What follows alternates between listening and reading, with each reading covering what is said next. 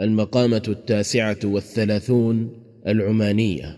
حدث الحارث بن همام قال لهجت مذ اخضر إزاري وبقل عذاري بأن أجوب البراري على ظهور المهاري أنجد طورا وأسلك تارة غورا حتى فليت المعالم والمجاهل وبلوت المنازل والمناهل وأدميت السنابك والمناسم وأمضيت السوابق والرواسم. فلما مللت الإصحار وقد سنح لي أرب بصحار ملت إلى اجتياز التيار واختيار الفلك السيار. فنقلت إليه أساودي واستصحبت زادي ومزاودي ثم ركبت فيه ركوب حاذر ناذر عاذل لنفسه عاذر.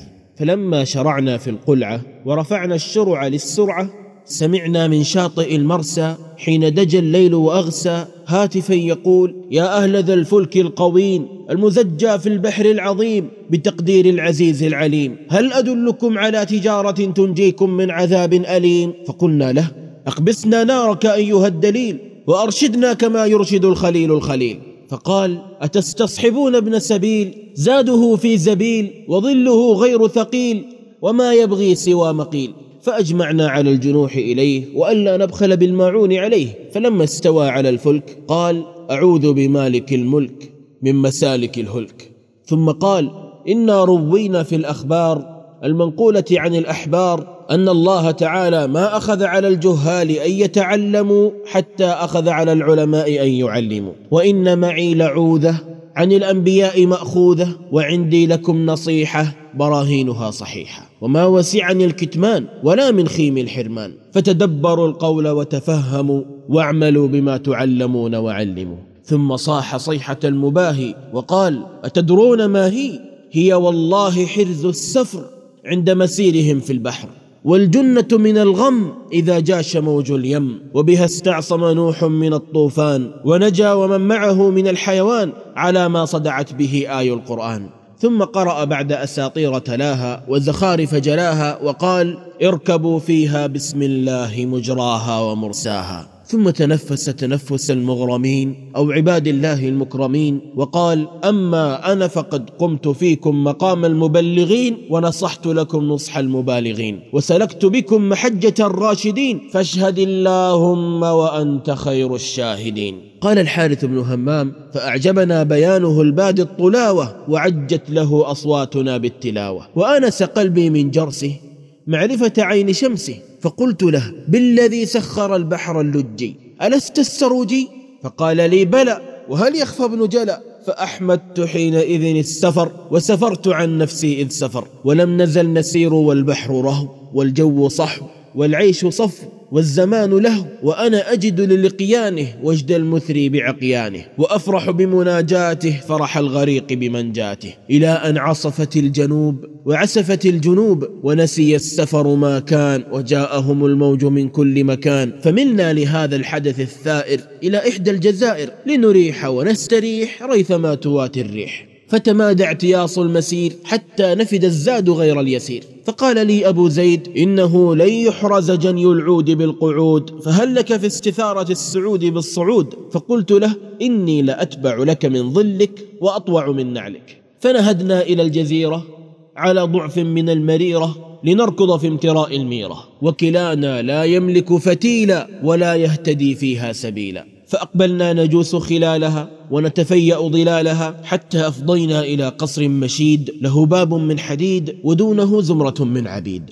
فناسمناهم لنتخذهم سلما إلى الارتقاء وراشية للاستقاء. فألفينا كلا منهم كئيبا حسيرا حتى خلناه كثيرا أو أسيرا. فقلنا أيتها الغلمة ما هذه الغمة؟ فلم يجيبوا النداء ولا فاه ببيضاء ولا سوداء. فلما رأينا نارهم نار الحباحب وخبرهم كسراب السباسب قلنا شاهت الوجوه وقبح اللكع ومن يرجوه. فابتدر خادم قد علته كبره وعرته عبره وقال يا قوم لا توسعونا سبا ولا توجعونا عتبا فإنا لفي حزن شامل وشغل عن الحديث شاغل.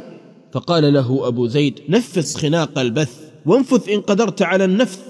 فإنك ستجد مني عرافا كافيا ووصافا شافيا. فقال له اعلم أن رب هذا القصر هو قطب هذه البقعة وشاه هذه الرقعة إلا أنه لم يخل من كمد لخلوه من ولد ولم يزل يستكرم المغارس ويتخير من المفارش النفائس إلى أن بشر بحمل عقيلة وآذنت رقلته بفسيلة.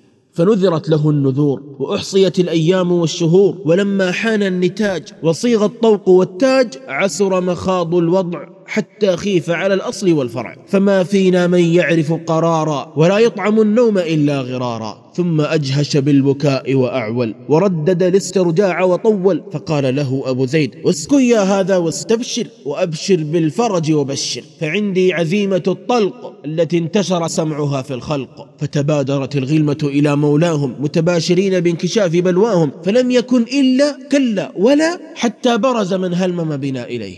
فلما دخلنا عليه ومثلنا بين يديه قال لأبي زيد ليهنك منالك. إن صدق مقالك ولم يفل فالك. فاستحضر قلما مبريا وزبدا بحريا وزعفرانا قديف في ماء ورد نظيف فماء رجع النفس حتى أحضر ما التمس. فسجد أبو زيد وعفر وسبح واستغفر وأبعد الحاضرين ونفر ثم أخذ القلم واصحنفر وكتب على الزبد بالمزعفر أي هذا الجنين إني نصيح لك والنصح من شروط الدين. أنت مستعصم بكن كنين وقرار من السكون مكين. ما ترى فيه ما يروعك من إلف مداج ولا عدو مبين. فمتى ما برزت منه تحولت إلى منزل الأذى والهون. وتراءى لك الشقاء الذي تلقى فتبكي له بدمع هتون. فاستدم عيشك الرغيد وحاذر أن تبيع المحقوق بالمظنون. واحترس من مخادع لك يرقيك ليلقيك في العذاب المهين. ولعمري لقد نصحت ولكن كم نصيح مشبه بظنين. ثم إنه طمس المكتوب على غفلة وتفل عليه مئة تفلة وشد الزبد في خرقة حرير بعدما ضمخها بعبير وأمر بتعليقها على فخذ الماخض وألا تعلق بها يد حائض. فلم يكن إلا كذواق شارب أو فواق حالب حتى اندلق شخص الولد لخصيص الزبد بقدرة الواحد الصمد. فامتلأ القصر حبورا واستطير عميده وعبيده سرورا وأحاطت الجماعة بأبي زيد تثني عليه وتقبل يديه وتتبرك بمساس طمغيه حتى خيل إلي أنه القرني أويس أو الأسدي دبيس. ثم انثال عليه من جوائز المجازات ووصائل الصلات ما قيض له الغنى وبيض وجه المنى. ولم يزل ينتابه الدخل. مذ نتج السخل إلى أن أعطي البحر الأمان وتسنى الإتمام إلى عمان. فاكتفى أبو زيد بالنحلة وتأهب للرحلة. فلم يسمح الوالي بحركته بعد تجربة بركته بل أوعز بضمه إلى حزانته وأن تطلق يده في خزانته.